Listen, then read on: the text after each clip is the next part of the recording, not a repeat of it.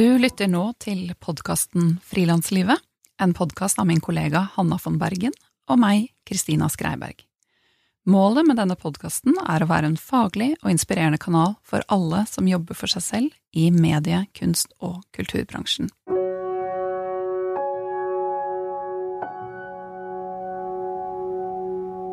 Ukens annonsør er regnskapsprogrammet Fiken. Fiken har vært annonsør hos oss eh, helt siden starten, og det er vi veldig takknemlige for. Fordi som frilanser så er jo regnskap ofte noe ganske slitsomt og vanskelig å ta fatt i. Og jeg er personlig veldig glad for at Fiken har starta opp eh, sitt regnskapsprogram, hvor de har et veldig enkelt og tilpassa språk som er mulig å forstå uten å være regnskapsfører. Det er enkelt, og det er deilig. Så takk, Fiken. Du kan prøve gratis i 30 dager på fiken.no. Dagens episode skal handle om hvordan søke pengestøtte til ditt prosjekt, hvordan forfatte en prosjektbeskrivelse og en god stipendsøknad.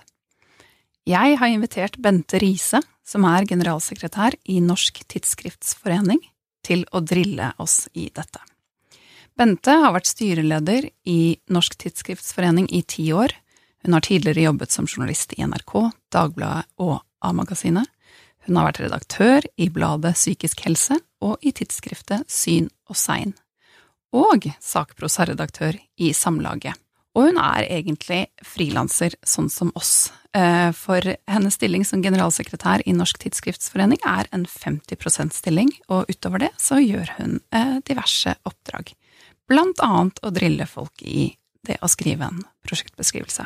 Bente har vunnet flere priser for sitt journalistiske arbeid og sitt redaktørarbeid. Og hun er også styreleder i Carina-stipendet, også kjent som Carina Jensens minnefond, hvor det kommer inn ca. 20 søknader fra fotojournalister hvert år. Velkommen, Bente. Jo, tusen takk. Din tidligere frilanskollega Carina Jensen døde av kreft i 1998, 35 år gammel. Og jeg har lest at du satt ved Karinas dødsleie og fikk ideen om å etablere et fond i hennes navn. Og som styreleder i dette fondet så leser du omtrent 20 søknader fra fotojournalister hvert år. Jeg har jo vært på kurs med deg i regi av Norsk Journalistlag om det å skrive en prosjektbeskrivelse. Og da fikk du det til å virke så lett og ukomplisert. Og da vil jeg gjerne spørre deg, hva kjennetegner en god søknad? Det er at de veit hva de vil, rett og slett, og hvorfor de vil det. Det er jo absolutt det, det viktigste, at de har en klar formening om hvordan dette prosjektet skal være, selv om ikke de veit hvordan det skal se ut i, sitt, i, i, i, siste instans, for det kan en jo aldri helt vite. Men at en veit hva slags prosjekt en vil, en skal ut og dokumentere X og Y, eh, innenfor ramme på Æ, Ø, Å, og, og så må en begrunne på hva måte skal dette bidra til å utvikle deg som fotojournalist. Eh, det er veldig mange som har søkt om for å få på en eh, deler av en reportasjereise eller noen flybilletter eller sånt. Det blir niks og nei. Eh, det handler om å utvikle seg sjøl, som om det var en ja, ja, utviklingsreise. Det er litt sånn flåsete ord nå for tida, men, men, ja. Men det er jo det vi har sett, at, det, at når du dykker ned i et prosjekt litt dypere over lang tid, så skjer det noe med det, så du får ro til å, å jobbe med uttrykk, med, med virkemidler, med, med, med stemma di eller blikket ditt, sant. Ser du noen eh, ja, sånn typiske feil? Nå sitter jeg her sånn gåseøynetegn. Sånn, ikke nødvendigvis feil, men ting som går igjen som ikke funker like bra i sånne søknader? Ja, hvis de ikke er helt sikre på det, liksom det noe om søknader, noe om, det går ikke.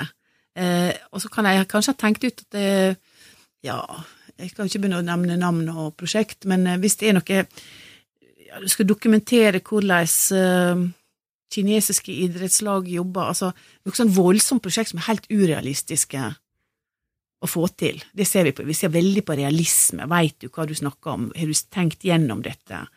Veit du hva det koster? Veit du hvor lang tid det tar?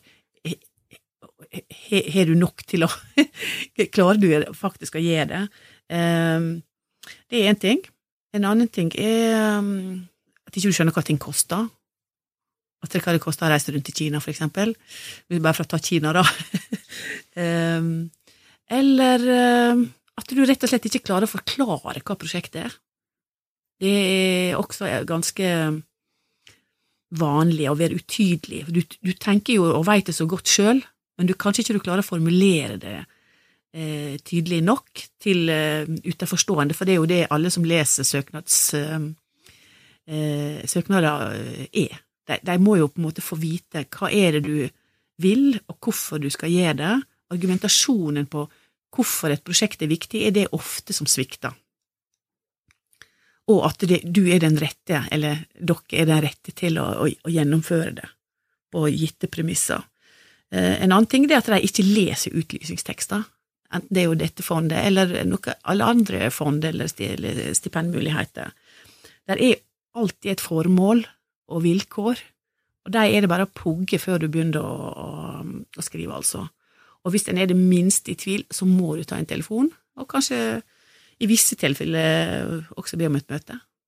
Og jeg tror mange tenker at eh, ja, de har vel ikke tid til å sitte med meg og besvare de spørsmålene, men det er jo i eh, ja, en fordel for alle hvis søknaden som kommer inn er eh, gode nok og passer til akkurat den mm. ordningen.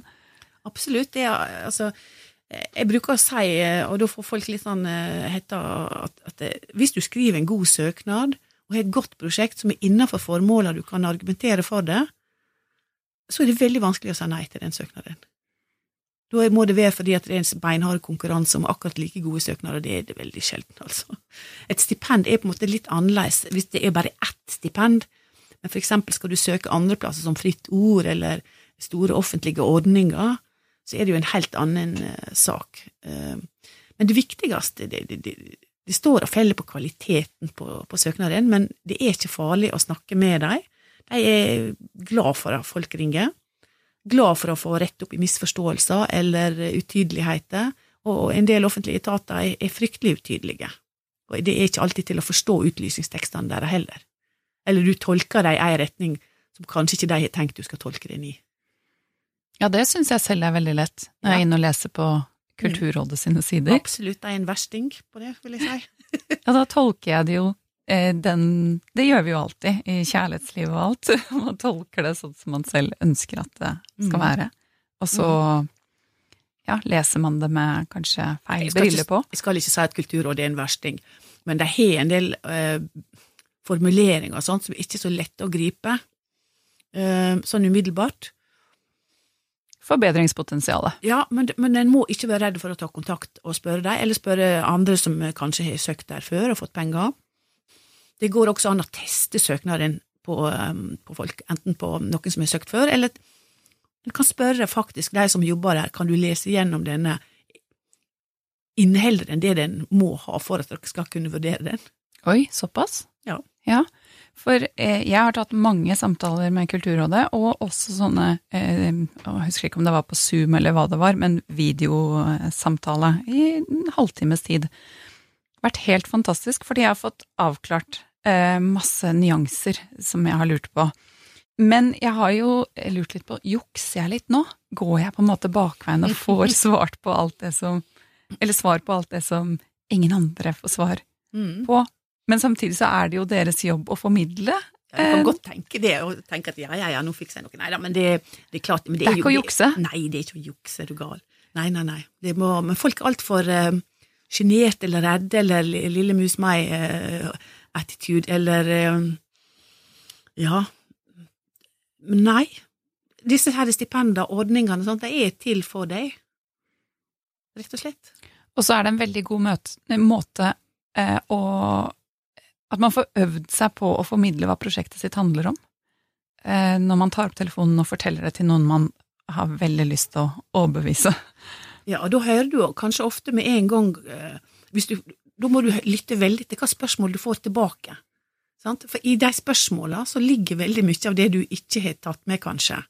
Sant? Så det, det, må du lytte veldig på. Ja, eh, for da er det kanskje noe du har tatt for gitt at den andre forstår eller veit. Men sånn er det jo ofte ikke. Jeg har et eksempel på det, den de, digitale møtet jeg hadde med Kulturrådet for et par måneder siden, mm. hvor de mente at vi ikke passet til den støtteordningen som vi da vi har søkt på, eh, fordi de ikke syntes det var åpenbart at denne podkasten er rettet mot eh, kunst- og kulturnæringen og aktører som jobber i den, mens vi bare hva? Er ikke det åpenbart? Mm. Og der har jo vi en jobb å gjøre, som vi jobber ganske mye med nå. Eh, det å kommunisere ut noe vi tar for gitt, men kommunisere ut slik at målgruppen vår og egentlig alle forstår hva vi er. Så man har mye å lære fra de eh, innspillene man får. Ja, det er viktig å lytte og notere når en har disse samtalene og møter.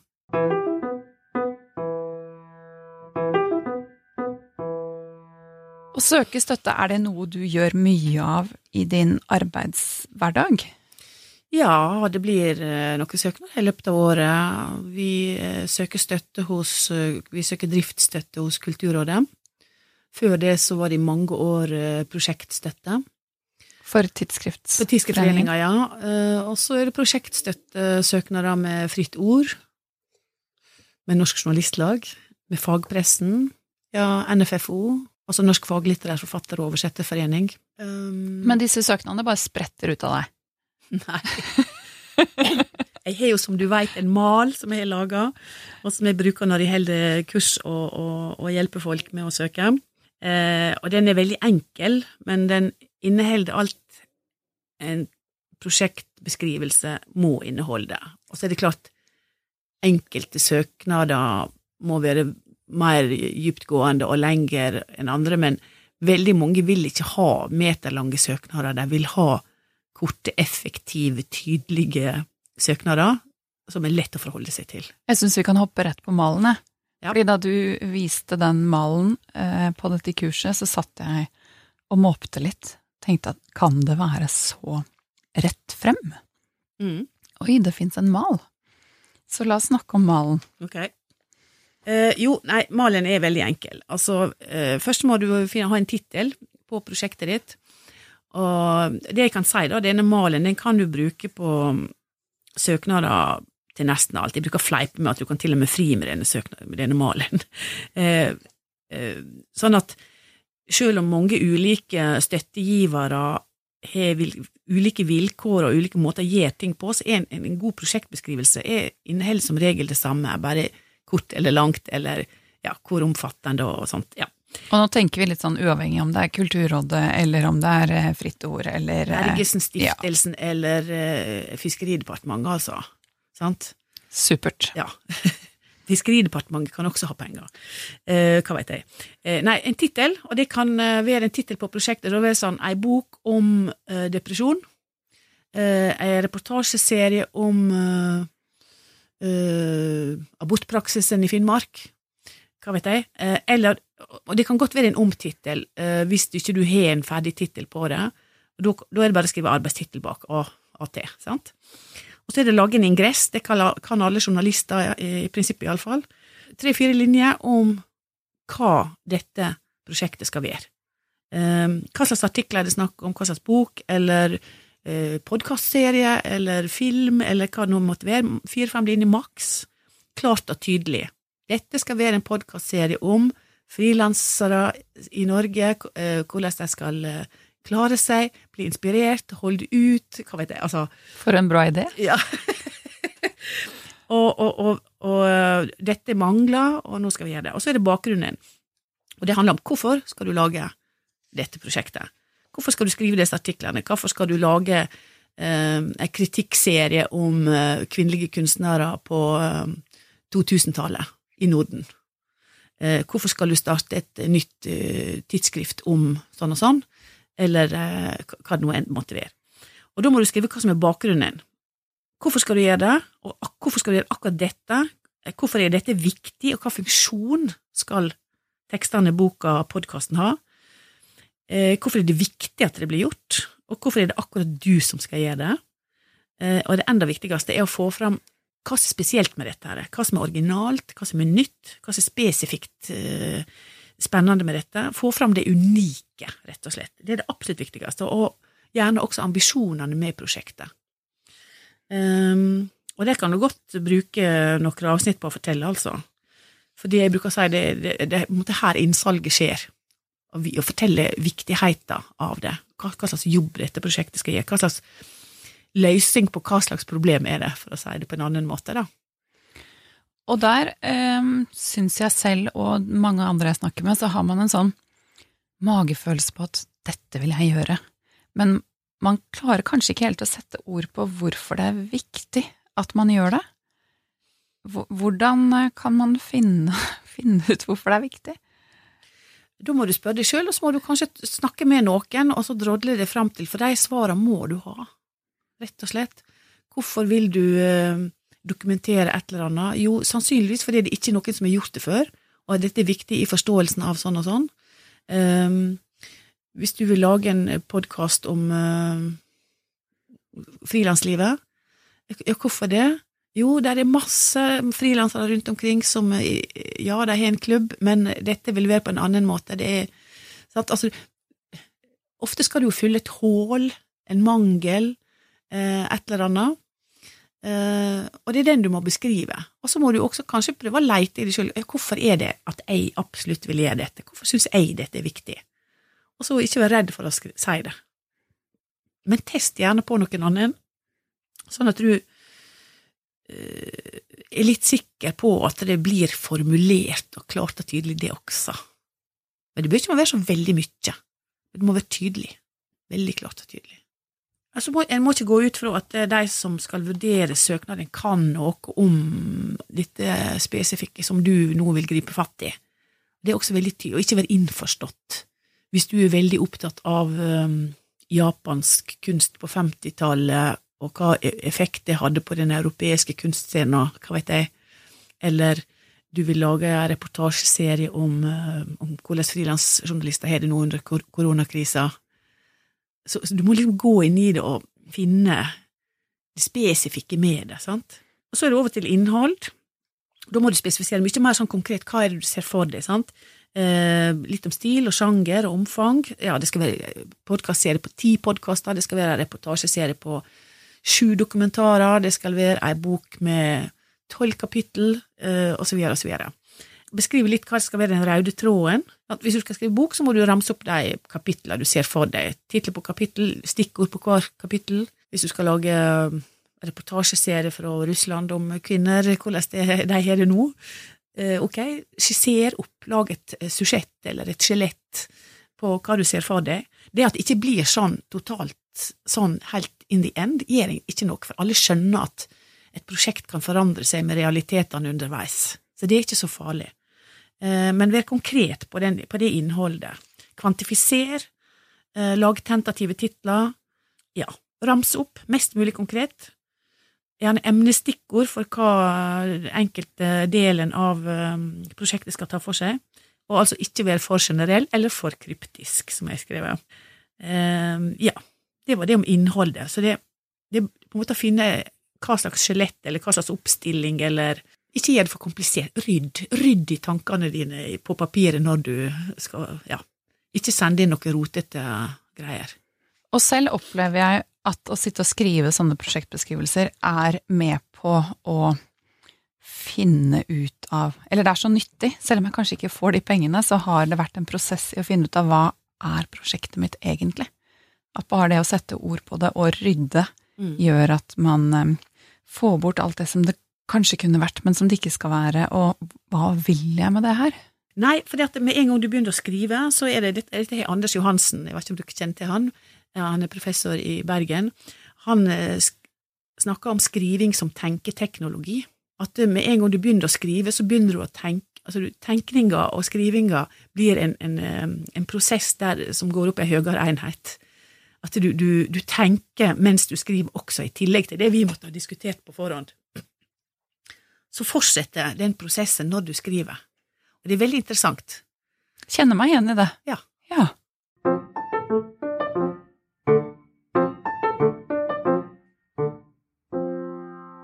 Hvor god tid bør man ha? Ja, altså veldig mange har jo nå eh, elektroniske søknadsportaler, f.eks. Og hvis ikke du har, brukt dem før, så bør du iallfall begynne å sette deg inn i dem et par dager før fristen eh, eh, er der. Men prosjektbeskrivelsen ville jeg ha begynt på ukevis før, altså med en gang du får ideen, rett og slett. Um, for da får du også tid til å teste ut funker dette, er det noe som mangler her, Eh, bør forbedre prosjektet og søknadsskrifta på det ene eller andre. Da får du, du får elta prosjektet, du får kjent etter, og av og til så hender det jo også at du kjenner at nei, guri, jeg har ikke lyst til å holde på med dette. Det er ikke dette jeg egentlig har lyst til, og da er det en veldig viktig avklaring å gjøre med seg sjøl. Du kjenner at nei, guri, dette var, var, liksom en god idé, men jeg har jo, jeg har ikke lyst til å gjøre det. Sant? Og, det, og det, du merker det ofte også på en søknad, hvis ikke det liksom eh, Hva skal jeg si Engasjementet er med i søknaden, så merker du det som vi som sitter og leser søknadene i andre enden, da. Dere gjør det? Ja. Og det å sitte og skrive en prosjektbeskrivelse er jo Det er litt som å skrive en businessplan, som ser jeg for meg. At det, det virker litt sånn Må jeg det? Og er det noe poeng? Og, eh, men å ha dette skjelettet nettet som man kan gå tilbake til og eh, sende av gårde hit og dit når folk lurer på hva prosjektet ditt er, eller hva mm. businessen din er, da. Mm. Det er jo, ja Sitter og nikker og tenker at ja, det er lurt. Mm. Ja. ja. Hvis du eksempel skal skrive ei bok, da, så kan du bruke en sånn prosjektbeskrivelse både overfor forlaget, men du kan også bruke det overfor NFFO når du skal søke midler, eh, altså skrivestipend, og til Fritt Ord. Du kan bruke den samme prosjektbeskrivelsen på alle de tre plassene. Eh, kanskje du må formulere det litt ulikt for de ulike, fordi at det du skal oppnå, er, er ulikt, kanskje. Fritt ord, eh, apropos det vi snakka om formål, eh, de er opptatt av det frie ord, demokrati, åpne, åpen debatt og diskusjon i samfunnet. Så hvis du har et prosjekt som på en måte overhodet ikke handler om det, så er det ikke vits i å søke fritt ord om den boka. Om å, om å få hva du kaller det, sånn skrivestipend, honorarstøtte. Uh, mens for NFF så kan det være innafor, fordi de har et bredt sakprosafokus, sant? Lese utlysningen med lupe. Ja. ja. Og ikke lure på noe, du skal være sikker før du setter deg ned, sant? Altså, og hvis du tenker at uh, ja, men uh, jeg prøver likevel, sjøl om du veit at det ikke er vits i, så ikke gjør det. Da er det kanskje noen helt annen du skal eh, prøve å søke støtte hos, eller få penger med, eller ja.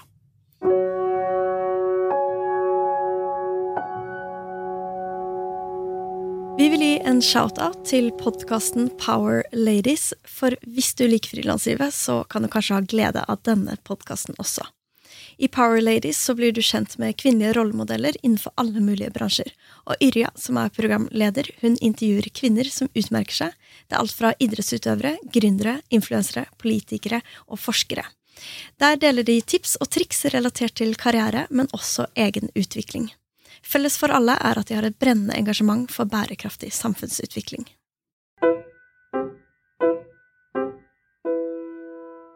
Nå sporet vi litt av, så jeg hanker oss inn igjen, for de neste på malen her, ser jeg, som jeg har foran meg, er målgruppe. Målgruppe, ja. Eh, du må eh, tenke gjennom hvem er dette retta for. Er det for et bredt publikum? Er det en reportasjeserie som skal stå i ei avis? Eh, skal det være retta mot barn og unge på noe vis? Skal det være til kvinner? Skal det være for helsearbeidere? Og, og, og, og hva er det du skal uh, ha dette publisert eller offentliggjort? Det er også veldig viktig å ha med som regel i alle søknader at du har en avtale om publisering. Eh, hvis du sier at du skal ha en reportasjeserie i Bergenstidene, så bør du ha en avtale med Bergenstidene, eh, for det kan de sjekke. Er det sånn at dere er interessert i denne reportasjeserien? Du skal skrive en bok. Eh, jeg jobba på Samlaget før som eh, sakprosaredaktør. Da, da ringer alltid stipendkomitémedlemmer i NFF for å høre er dette ei bok dere har tro på. Er prosjektet i gang? Eh, vil dere satse på boka? Tror du dette er gjennomførbart? Er han eller hun i stand til dette? De spørsmåla kommer. Oi, det var veldig grundig. Yes. Men det er mye penger det er snakk om. Det kan være i NFF, hvis du skal søke stipend til bok, så kan du få alt fra to-tre måneder til et år til faktisk tre års stipend. Eh, så det er betydelige summer og prosjektmidler det er snakk om, og det er klart eh, da skal det være et godt prosjekt, og det skal være grundig fundert og realistisk. Og dette er bare for å, hvis lytterne lurer, støtte til sakprosabøker. Ja. Det er blitt vanskeligere å få støtte, jeg vet ikke, fins det ordninger for litteratur? Skjønnlitteratur? De har forfatterstipend. Som, eh, det er egne ordninger som eh, går gjennom Kulturrådet. Og, men også Kopinor-midler, som altså forfatterforeningene Norsk Forfatterforening har, også barne- og ungdomsforfattere. Der er det masse forskjellige foreninger så, som forvalter. Og det gjør også Journalistlaget og mange andre forvalter Kopinor og bibliotekvederlagsmidler, som skal brukes til kollekt, såkalt kollektive formål, eh, som for eksempel eh, kurs, stipend, seminar, konferanser, kongresser. Jeg har for eksempel, vi har søkt støtte til å holde konferanse og fått penger til det, eksempel. Men det å argumentere for at eh, det, denne Går jeg litt mer inn på eh, kunst, og det å argumentere for at denne romanen jeg har lyst til å skrive, eller denne, disse maleriene jeg har lyst til å male, hvorfor det er viktig, er kanskje vanskeligere, så det er landskapet litt annerledes når det gjelder eh, det mer eh, åndelige. Ja, åndelig, åndelig. Eh, jeg er ikke så Jeg har ikke jobba noe særlig med det. Jeg hjalp en gang en liten teatergruppe til å søke midler om støtte for en veldig morsom oppsetning de skulle ha for barn og unge. Og de var veldig unge, kom rett fra Teaterhøgskolen. Og det var veldig gøy å sitte med dem, fordi de hadde et prosjekt. Men, men, men jeg tenker at, at, det var ikke så veldig ulikt det som jeg holder på med her ellers, altså. Men, men, pengene var på litt andre plasser. Og de fikk masse. De fikk en kvart million, husker jeg, på to forskjellige plasser. Ja. Men da var det ene et, en lokal sparebankstiftelse en plass i landet, for å si det sånn. Som de overhodet ikke hadde tenkt på kunne være en plass å søke. Jeg tror jeg fikk 200 000 der. For eksempel. Nei, altså eh, Skjønnlitterære forfattere de kan ikke søke på alle disse her eh, som jeg snakker om nå. Så det er gjennom forfatterforeningene de må gå. Eh, billedkunstnere og andre kunstgrupper er jo i stor grad eh, Kulturrådet, men også sine egne organisasjoner som forvalter eh, mulighetene for dem, rett og slett. Men det er klart de kan også søke ja, sparebankstiftelse, eller altså Det er mange fond og legater og stiftelser over hele Norge, og jeg, det er enorme mengder av dem, og med masse smale og videre formålsparagrafer. Altså Det er en researchjobb for alt etter hva du er og hva du skal søke om, men jeg tenker at veldig mye er mulig hvis du gjør det veldig ordentlig. Men det, det er ikke noen uh, garanti for å få noe, selv om du lager et godt prosjekt, altså. Dessverre. Jeg går litt tilbake til dette med målgruppe. Ja. Eh, for noen ganger har jeg laget prosjekter hvor jeg har tenkt sånn Dette er jo for alle. Mm. Eh, og er det at det er for alle, det er vel kanskje litt Det skal helst ikke være for alle. Eller? Ja, nei, altså du kan jo tenke deg altså Hvis du skal eh, nå flest mulig, da, så tenker jeg ok, hva du skal da publisere det hen? Skal du da i, Aftenposten eller Dagbladet Magasin eller i ja? Altså, der, der, det er etablert ei stor, brei målgruppe, så, det, så, er det jo det. Men det spørs jo hva du skal gjøre. Hvis du skal lage en, eh, en podkast, da Dette kan ikke jeg så veldig mye om, altså, men det er jo du. Eh, hvis du skal lage en podkast, si nå at du skal lage en podkast for eh, kvinner over 50 om eh, hvordan livet deres er, hva vet jeg. Hvordan ville du da gått fram for å nå de målgruppene? Det må du også beskrive i neste punkt. sant? Eh, da er det jo et helt univers som gjelder kun for podkast, som eh, du må sette deg inn i. Og du må publisere der og der og der og der på sånne, sånne kanaler og hva det nå heter. Du kan ikke bare si at du skal legge det ut på YouTube, liksom. Sant? Altså, du må være spesifikk. Eh, og så er det jo sånn Det er jo alt dette hva Hvis du skal skrive eksempel bok nå, da, så det jo Forlagene har begrensa med midler til å markedsføre boka, så du er nødt til å gjøre mye sjøl, eksempel. Og det at du har lyst og vil formidle boka di med foredrag, med debatter, med eh, oppsøkende arbeid skoler, hva vet jeg, betyr noe. Eh, så hvis du er en veldig sjenert eh, skribent som ikke, nesten ikke sier et pip, så ligger du litt dårligere an, tror jeg, dessverre. Sånn er det blitt. Så ja, skal, du, må, må, tenke gjennom hvordan du sjøl kan være med på å løfte boka ut i ei offentlighet. Og det tror jeg du må med mange andre ting også. Og nå er det jo litt spesielle tider nå, da, som vi ikke har helt oversikt over hvordan uh, ting blir framover. Men det kommer iallfall til å bli tøffere. Det tror jeg vel vi har skjønte alle sammen. Da er det enda viktigere å være klar over hva du vil, og hvorfor, og hva, hva du vil gjøre for å få det til rett og slett. Hvordan du vil eh, få det ut. Det er krevende å bryte gjennom lydmuren i dette landet, faktisk. Og man skal tørre å synes? Ja, men det er ikke så nifst og farlig som eh, en tror. Hvis en er forberedt og tenkt gjennom tinga sine, så er, er, står en litt tryggere, rett og slett. Uh, og det er hjelp og råd og tips å få på ulike hold, sant. Um, men mange skjønner jo mer nå også dette med formidling, at det er viktig. Det er ikke nok bare å produsere noe for å få det ut til de målgruppene du vil nå, da. Eh, men det er jo ofte sånn at du tenker ei målgruppe, og så når du større. For eksempel, eh, yndlingseksempelet mitt er vel kanskje TV-serien Skam, som var tenkt for eh, disse unge ungdommene. Men så sitter jo fire generasjoner og ser på det.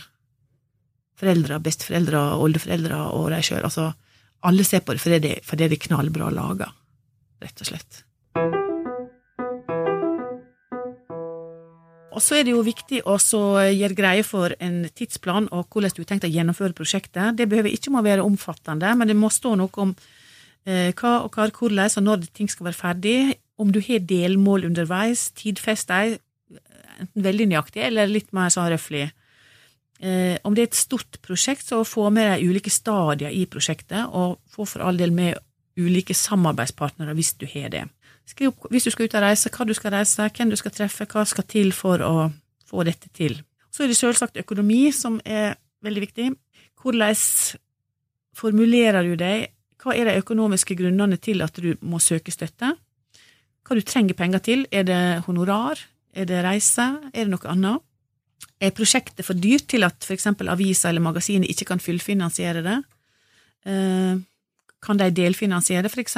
hvis du er kritiker, du vil lage en serie med kritikk om eh, ja, kunstkritikk på samtid, norsk samtidskunst. Du går til ei avis eller et magasin og sier jeg vil gjerne dette her, så sier avisa ja, men vi har ikke mer enn sånn og sånn honorar. Men ja, hvis jeg søker for eksempel Fritt Ord og får eh, nøgda med støtte der, kan vi da uh, lage Så du må lage en avtale. Og, og Fritt Ord og andre liker veldig godt spleiselag, rett og slett. Og det går også an å søke Kulturrådet, for eksempel, om kritikkmidler, sånn som dette var. Og så må du også være tydelig på om du har en egenandel. Eh, og det er smart i veldig mange tilfeller å ha det. Og da kan du på en måte eh, omfangsberegne tidsbruken din og si at ok, 10 eh, av tidsbruken kan være min egen egenandel, eller en viss altså, Jeg veit ikke hvor mye. Eh, du må iallfall komme fram veldig tydelig hva du trenger, og hva, hva, du forventer å få, så du må lage et budsjett. Det behøver ikke å være veldig sofistikert hvis ikke det, det er veldig mange poster. Eh, der det kommer fram hva lønn og honorar, ulike typer utgifter som reise, administrasjon, Inntektene skal også med.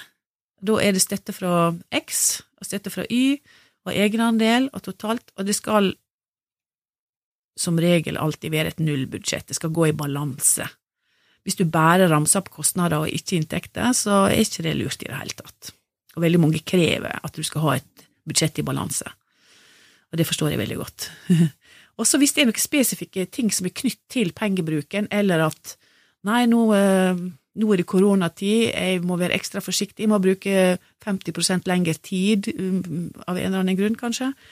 Få det med, få det med helt tydelig hvorfor noe er fordyrende eller gjør at ting koster sånn og sånn, eller at du plutselig har en annen type utgift, eller hva vet jeg.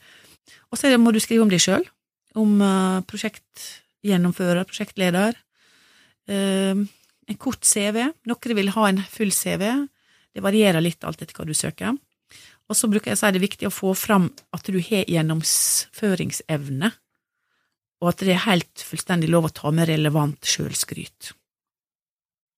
Det må en ikke være redd for. Og så er det mange som eh, også vil ha en støtteuttale, for eksempel da med, med, med, forlag, hvis du skal lage bok, eller du skal lage reportasjeserie for ei avis, eller noe annet, at du får en uh, uttalelse om at dette er avtalt.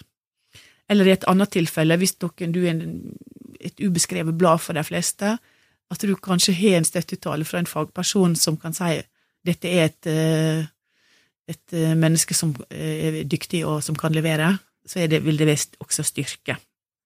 Det er interessant. Ja. Det vet, jeg ikke om jeg ville tenkt på å ta med. Nei, men Nå er ikke du 22 eh, år og talentfull lenger, men de som er veldig unge, jeg tror det kan være lurt å tenke sånn, ja. Faktisk. Alt som kan bygge opp under ja, totalen. Mm. Mm. Selv søkte jeg støtte eh, til et prosjekt for aller første gang for fem år siden. Og jeg knotet med den eh, prosjektbeskrivelsen i jeg vet ikke, flere måneder. Selvfølgelig ikke sånn på fulltid, men gikk frem og tilbake til den og jobbet veldig, veldig mye med den. Og med den så fikk jeg mitt aller første tilsagn fra Fritt Ord. Fikk 50 000, som ikke er all verdens med penger, men samtidig ga det meg masse pågangsmot. En sånn riktig klapp på skulderen og min egen tro på prosjektet økte, som var veldig motiverende. Og dette var til et prosjekt som heter Hei nabo, hvor jeg i seks år banket på dørene til alle naboene mine i en blokk på Tøyen. Og da jeg satte meg ned med denne søknaden til Fritt Ord, så var jeg på et sånt vippepunkt hvor jeg lurte på skal jeg bare kaste alt det jeg har gjort, eller skal jeg fortsette å fullføre og jeg hadde en visjon om en utstilling og en bok. Men de pengene fra Fritt Ord gjorde at jeg tenkte det er noe her, jeg fortsetter dette arbeidet.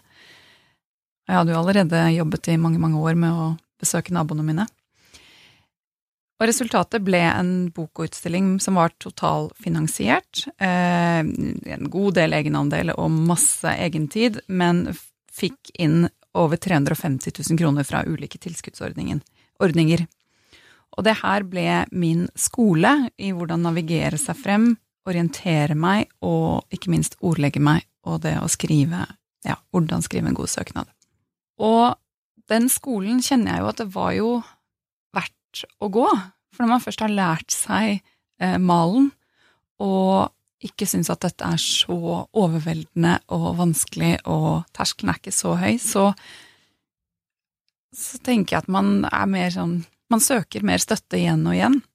Og siden det, siden 2016, har tilskudd fra Fritt Ord, Kulturrådet og andre, eh, andre stipendordninger stått for omtrent en fjerdedel av mine inntektskilder.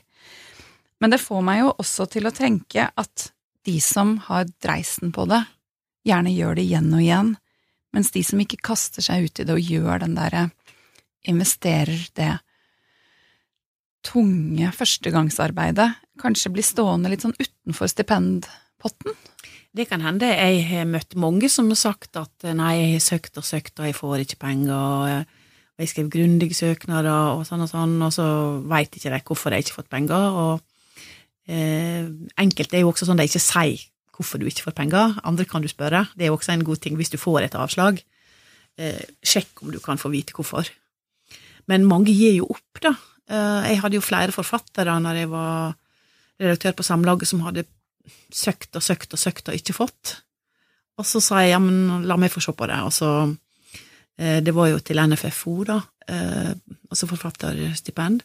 Og så brukte denne malen min, og det var en da, jeg skal ikke si hvem det var, men som søkte da og fikk Skal vi se, jeg husker ikke hvor mange måneder, men det var ca. 150 000 og brukte tilsvarende til fritt ord, så han ringte meg plutselig og sa du, jeg sier opp jobben min, jeg har fått en kvart million.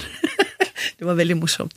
Da fikk jeg litt sånn Han, var egentlig uh, nær pensjonsalderen, da, så Men han ble altså så overlykkelig, og han har fått stipend flere ganger etterpå, ja. Ja, Så vil jeg jo bare understreke at alle eh, stipendordninger er eh, forskjellige, og de fleste skal jo plottes inn i eh, en egen mal på nettet. Eh, I tillegg til at du laster opp prosjektbeskrivelsen. Og denne malen du snakker om, er jo da en god mal for å skrive akkurat denne prosjektbeskrivelsen, tenker ja, jeg. Ja, og ikke bare det, men du kan på en måte klippe og lime litt fra den inn i den elektroniske søknadsportalen, bare du formulerer litt om, for jeg skal ofte kanskje ha 400 tegn om ditten eller datten, eller 100 tegn, eller sånn og sånn. Og så du, Hvis du lager prosjektbeskrivelsen først, hvis du går, går, rett på disse elektroniske søknadsportalene og skal begynne å, å skrive da, det er en veldig dårlig idé, altså. Veldig dårlig idé. Gjør alt arbeidet først, og så går du inn og måte føre inn i portalen. Og da må du ofte komprimere ned, sant.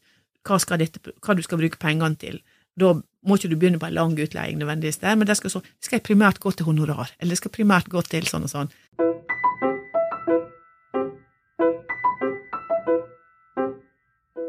Hanna og jeg vi får ofte spørsmål fra folk som gjerne vil starte podkast, om hvordan vi har fått støtte til å lage podkast.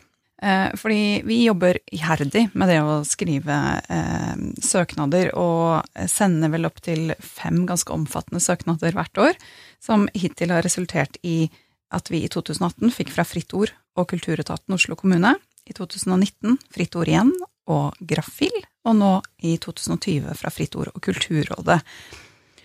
Og der vil jeg bare understreke at vi har ikke fått støtte til å lage podkast, mens vi har fått støtte til å lage, eller nå ut med budskapet vårt, som like gjerne kunne vært en bok eller en eh, foredragsserie eller en serie artikler som er trykket i et eh, tidsskrift. Og det tenker jeg også er viktig at man fokuserer på innholdet. Eh, selvfølgelig måten du pakker det inn og hvordan du formidler det er viktig, men i Med oss så har det jo Ja, så handler det om hva er det vi vil ut med, mm. ikke hvilken, hvilket medie vi vil ut i. Mm. Som jeg tenker er lurt å ta med seg for alle dere som lurer. Eh, og det der med Vi har lurt litt på kommer vi til å få fra Fritt Ord igjen? For det er jo mange ganger så sender man søknader, og så skal det helst være inne før du har realisert prosjektet ditt. Som vi passet veldig på da vi startet podkasten, at vi sendte inn alle disse søknadene før vi lanserte. Vi hadde jobbet masse med det, men lanseringsdato var etter søknadsfristene. Så det er lurt å også passe på. Mm. Men til det vi har gjort, som kanskje kan være verdt å vurdere, er at vi de to andre gangene vi søkte til Fritt Ord, så søkte vi om å lage temaspesifikke episoder. Så det var på en måte ikke samme søknaden bare som kom år etter år. Altså kanskje lyttertallet hadde økt litt, og vi hadde fått til noe, noe bra, men vi søkte om å lage en serie om eh, ja, folk som jobber spesielt med ytringsfrihet, for eksempel. Eh, og det samme har vi gjort nå med, til Stiftelsen DAM, hvor vi har søkt om å lage en serie med episoder om eh, mental helse. Eh, så det å se hvordan, hvis man holder på med noe over lang tid, og se hvordan man kan spisse innholdet sitt til det er noe du uansett vil lage, med hvordan du kan spisse det til de relevante støtteordningene. Formåla. Vil jeg bare skyte inn formålene? Ja, formåla, formåla, formåla. Nei, og det, og det å, å, drive klipp og lim og søke om det nesten det samme år etter år med Fritt Ord, det gjennomskuer de med en gang, så det er bare å glemme. Eh, de vil ikke ha de, altså Fritt Ord er veldig opptatt av at de skal ikke støtte drift. Det skal være prosjekt. Og så er det mange som lurer på hva, hva går grensa mellom drift og, og prosjekt, og det er ikke så lett alltid. Og, for at eh, noen kan drive med kun med, med prosjekt, sant. Altså, et forlag så er alle bøkene alle bøkene er et prosjekt, sant. Eh, og det er det vel? Ja, eller? det er det. det, er det. Ja. Så, så, så, det er jo også du kan, kan, bryte ned til prosjekter. sant? Altså sånn Du kan si ok, vi bestemte for nå skal vi lage podkast i x år framover, men hvordan du skal smi innholdet, og hvorfor, kan du jo jobbe med kontinuerlig.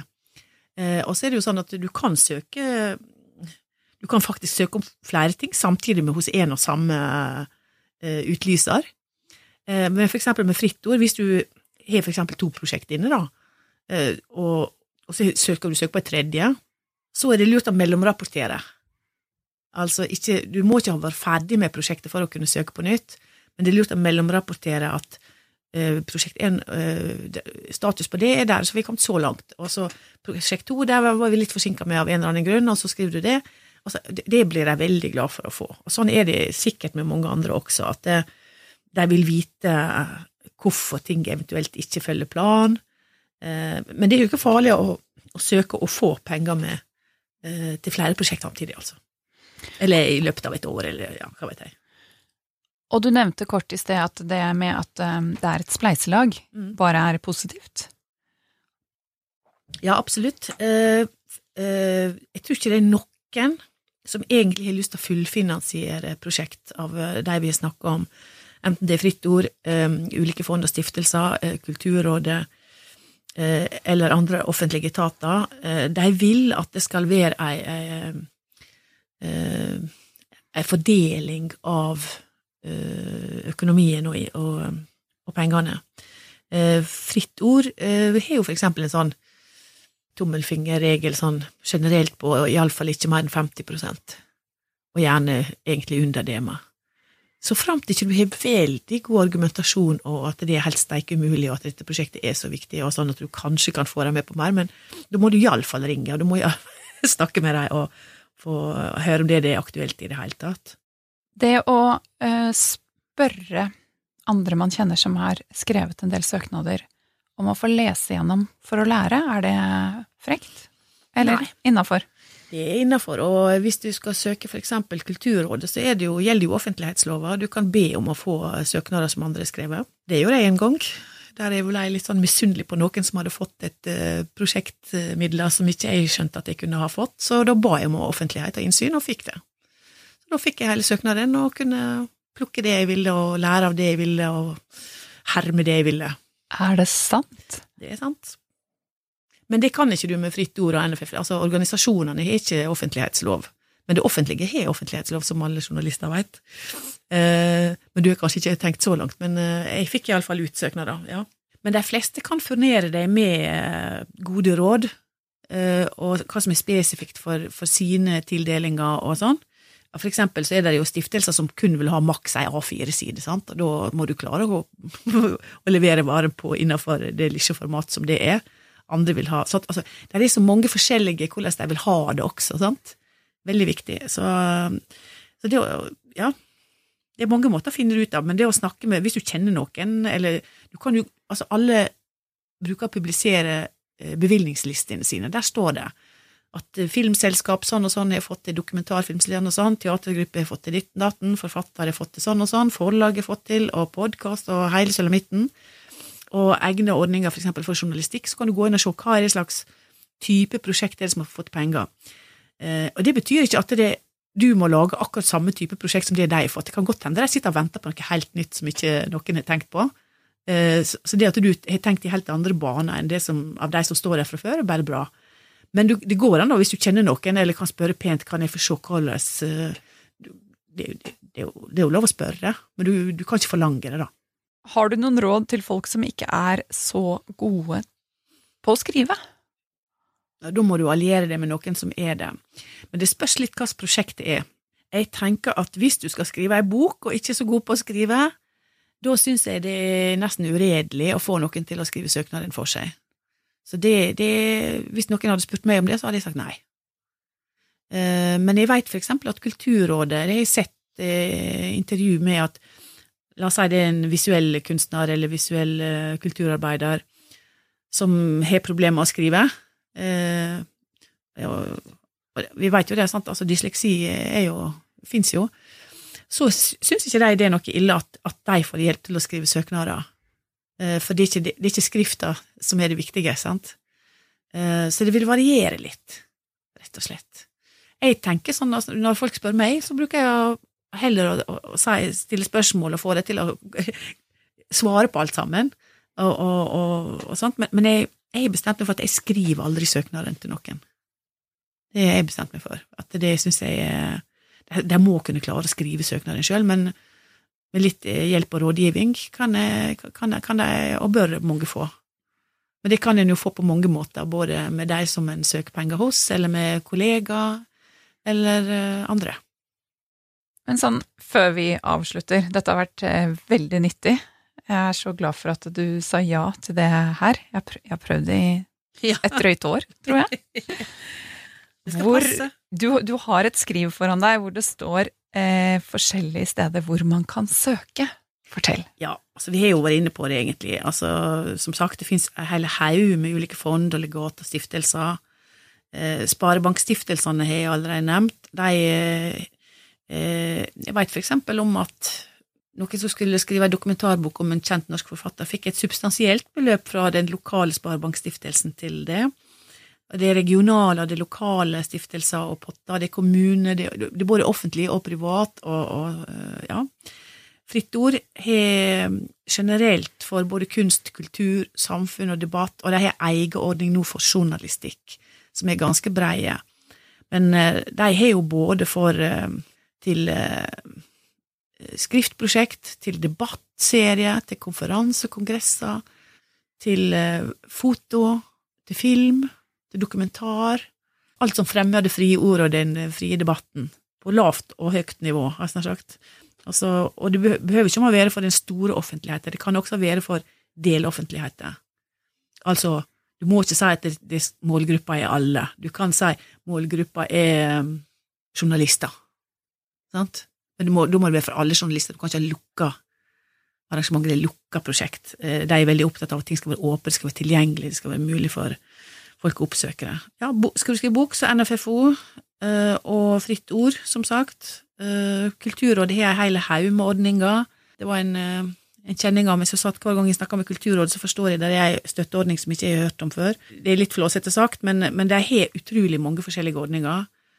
Så, så plutselig så kan det være en ordning som ikke du har forstått passer til deg, som faktisk er det. Og det finnes en hel haug med andre. sant, altså eh, jeg tenker nå, Det ville jo vært veldig spennende å se eksempel Innovasjon Norge nå. Nå må mange finne på noe nytt i denne krisetida, og flere gjør det. Jeg veit helt konkret at det er veldig spennende ting på gang.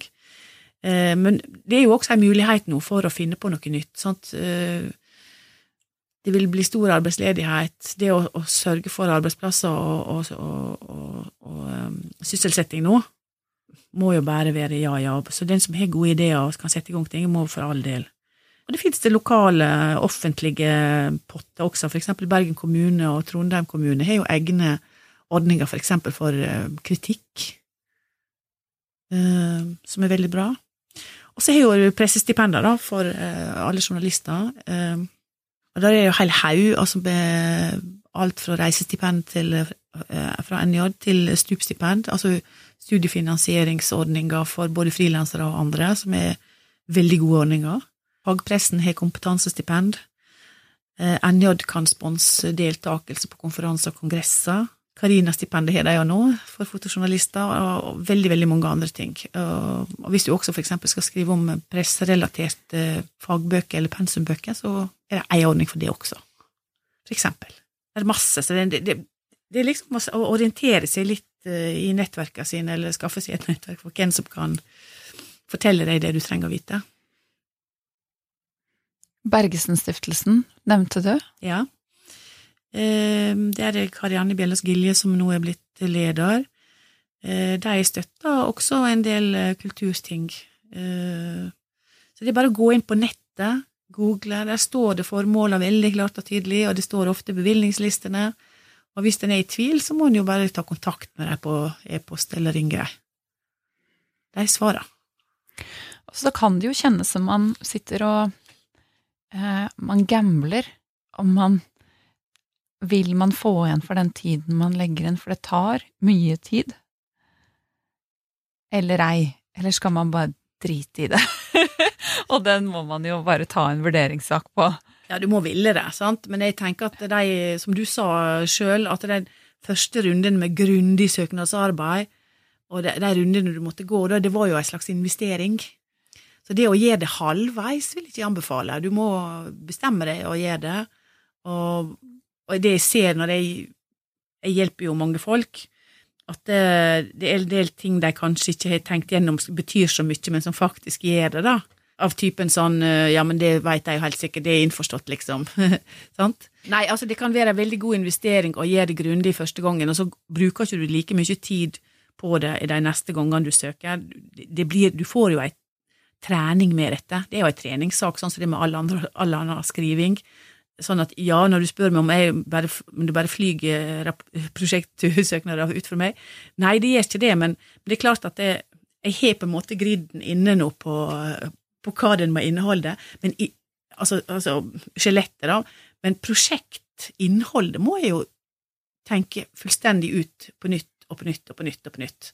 Som du sier, tematikkene, eh, aspekter eh, Jeg må jo på en måte sette meg og analysere min, min egen idé og få det ned i prosjektbeskrivelsen, sant? Og det er jo et sånt eh, indre arbeid man bør gjøre med prosjektene sine uansett.